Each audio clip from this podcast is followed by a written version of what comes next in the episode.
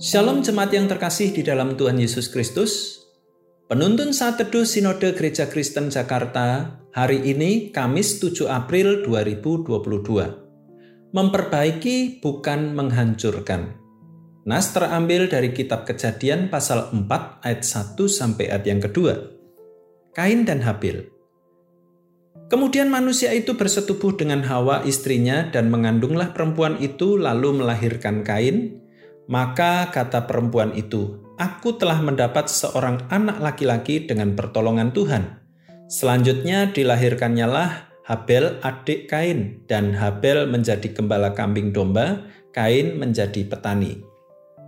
Setelah beberapa waktu lamanya, maka Kain mempersembahkan sebagian dari hasil tanah itu kepada Tuhan sebagai korban persembahan. Habel juga mempersembahkan korban persembahan dari anak sulung kambing dombanya, yakni lemak-lemaknya, maka Tuhan mengindahkan Habel dan korban persembahannya itu. Tetapi Kain dan korban persembahannya tidak diindahkannya. Lalu hati Kain menjadi sangat panas, dan mukanya muram. Firman Tuhan kepada Kain, "Mengapa hatimu panas dan mukamu muram? Apakah mukamu tidak akan berseri jika engkau berbuat baik? Tetapi jika engkau tidak berbuat baik, dosa sudah mengintip di depan pintu. Ia sangat menggoda engkau, tetapi engkau harus berkuasa atasnya." Kata Kain kepada Habel, adiknya, "Marilah kita pergi ke padang." Ketika mereka ada di padang, tiba-tiba Kain memukul Habel adiknya itu, lalu membunuh dia.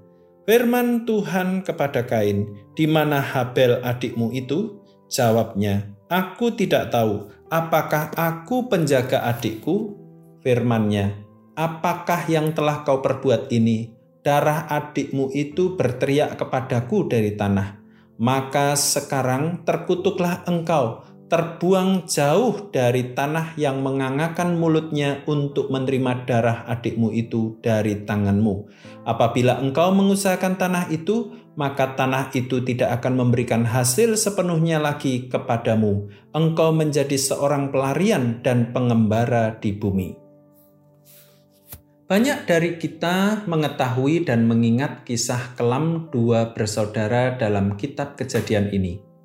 Mereka adalah Kain dan Habel, anak-anak Adam. Yang menimpa mereka adalah peristiwa pahit yang memilukan. Kain iri hati dan marah kepada Habel. Sikap tidak terpuji itu berbuah pembunuhan. Namun, ketika kita menggali lebih dalam, kisahnya bukan hanya tentang hal itu saja. Memang ironis karena iri hati yang bertunas dalam hati Kain justru bermula dari aktivitas rohani. Kain dan Habel mempersembahkan korban persembahan kepada Tuhan. Kemarahan memenuhi hati Kain ketika mendapati persembahan adiknya diterima Tuhan, sementara persembahannya tidak. Saat itu pula niat jahat mengedipkan mata kepada Kain. Ia membulatkan tekad untuk melenyapkan saudaranya. Setelah itu terjadilah kasus pembunuhan pertama yang dicatat dalam Alkitab dan sejarah kehidupan manusia – Mengapa hatimu panas dan mukamu muram? Apakah mukamu tidak akan berseri jika engkau berbuat baik? Ayat 6 sampai 7. Tuhan sudah memperingatkan Kain sebelum dosa semakin menancapkan kukunya dalam hatinya. Seharusnya Kain membuka dirinya pada Allah dan membiarkan Allah membasuh hatinya dari iri hati dan amarah. Namun Kain menepisnya dan membiarkan dosa menancapkan taring dalam hatinya. Ia membujuk adiknya agar pergi bersamanya ke padang, lalu memukul dan membunuh Habel. Kejahatan hampir selalu meninggalkan sebentuk ketidakadilan yang mengusik rasa keadilan kita. Habel mati, namun Kain, si pelaku kejahatan, masih terus hidup. Ia membangun keluarga, bahkan di kemudian hari mendirikan sebuah kota. Ayat 17.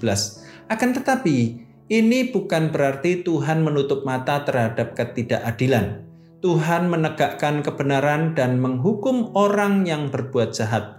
Tuhan menghukum Kain dengan berat, namun bukan untuk balas dendam atau menghancurkannya. Sebaliknya, hukuman Tuhan atas ketidakadilan yang diperbuat Kain untuk mengoreksi dan memperbaiki hidupnya. Tuhan menjaga nyawa Kain, ayat yang ke-15, karena tujuan keadilannya adalah untuk memulihkan, bukan membinasakan.